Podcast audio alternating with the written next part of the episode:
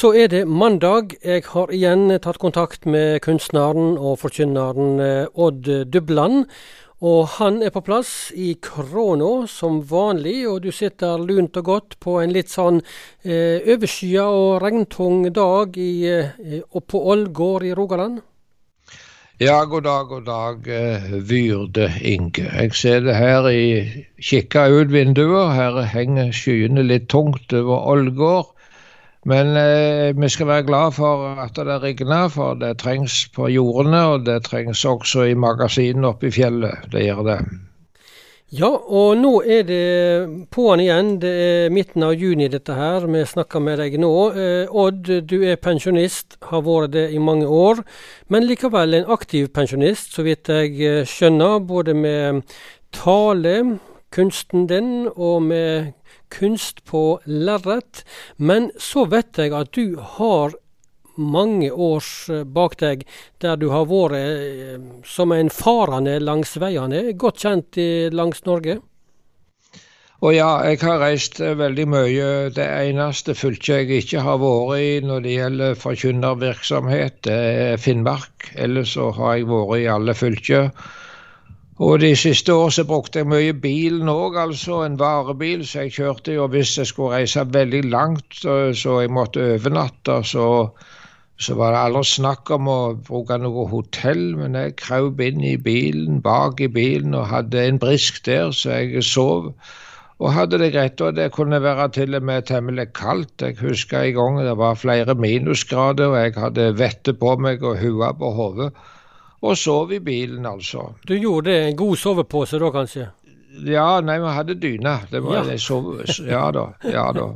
Du, har du hatt noen eh, litt uvante opplevelser på, på sånne turer, eller? Ja, eh, det var nå forresten en gang. Det var nord for Bergen. det. Jeg var på vei sørover. Jeg hadde vært oppe i fjordene, og så måtte jeg overnatte. og Så fant jeg en eh, rasteplass, og jeg så at det var et toalett, slik et veitoalett akkurat der. Så jeg kjørte inn der, og det var i nærheten av Ost, eller på Ostereidet nord for Bergen. Om morgenen så, Jeg sov i bilen, jeg, og om morgenen så hørte jeg at det durde så i en lastebil eller ut forbi.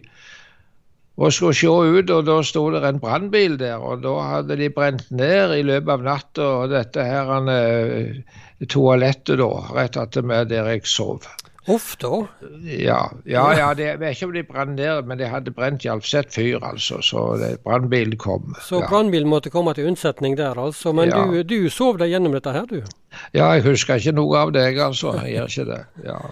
Du, men du har jo farta mange plasser og hatt uh, møter på mange bedehus rundt om i landet opp gjennom åra, Odd. Og uh, mange personer du har møtt òg?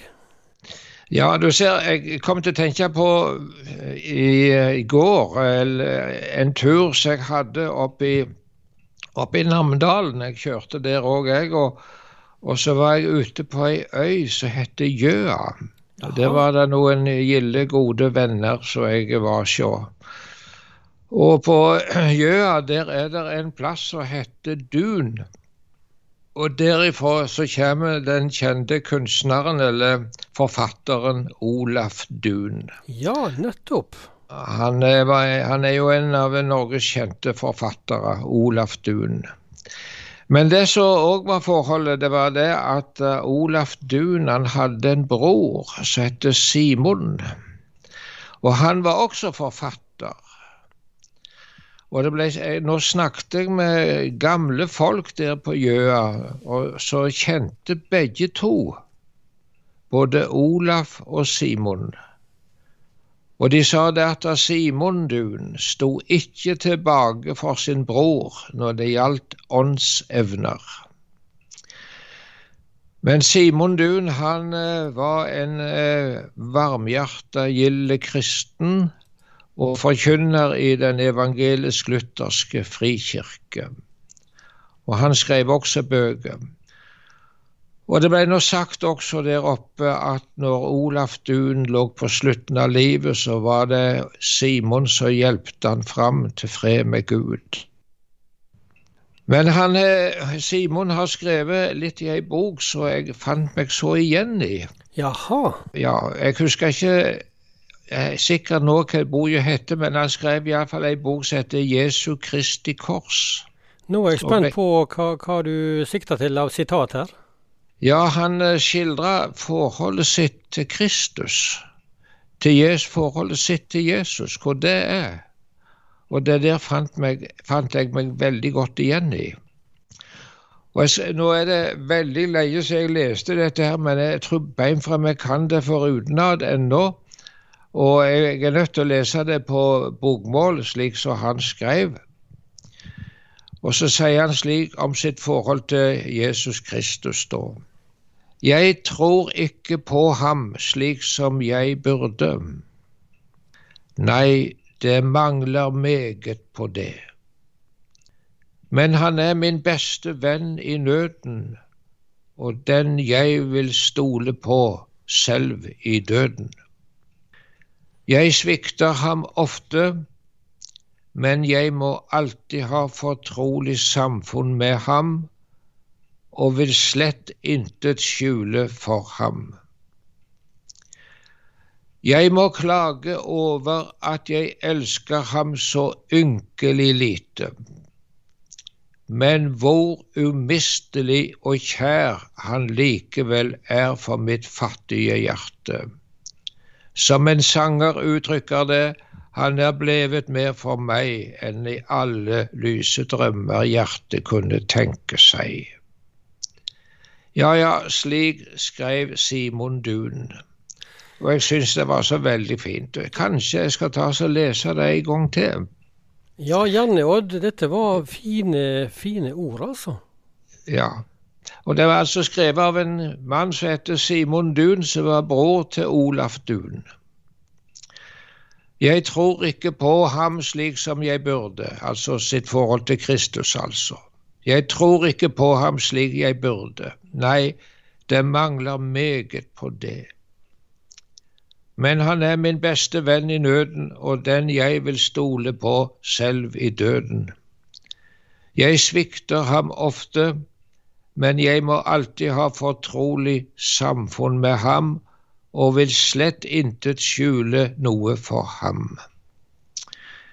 Jeg må klage over at jeg elsker ham så ynkelig lite, men hvor umistelig og kjær han likevel er for mitt fattige hjerte. Som en sanger uttrykker det, han er blevet mer for meg enn i alle hjertet lyse drømmer kunne tenke seg. Det var litt grann fra boka til eh, Simon Dun. Jeg syns det var litt greit å ta det der med, for jeg tror kanskje det at det er vel mange kristne som vil finne seg igjen i det der. Ja, ja eh, det vil jeg tro, Odd. Og så eh, ser en på seg sjøl og lurer på om en kan ha betydd noe i livet, osv. Ja, og så var det et ord her som jeg tenkte på, eller noe som Jesus fortalte en gang. Det var en liknelse, og jeg får ta den med eh, til slutt i programmet mitt her nå. Da så forteller Jesus det i en liknelse. En mann hadde et fikentre som var planta i vingarden hans. Men da han kom og så etter frukt, fant han ikke noe. Da sa han til gartneren, nå er det tredje år jeg kommer og leter etter frukt på dette fiketreet og ikke finner noe. Hogg det ned. Hvorfor skal det stå der og arme ut jorda? Herre, la det forstå dette året òg, svarer gartneren. Så skal jeg grave ikring det og gjødsle det, kan hende det bærer det neste år. Gjør det ikke det, da får du hogge det ned.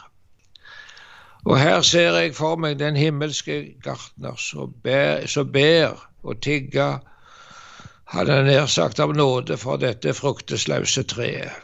Og hvert år er et nådens år, tykker jeg. Vi har en venn vi kan gå til. Det er Slik er Kristus Jesus òg for meg. Det var litt av det jeg hadde i dag, du Inge. Ja.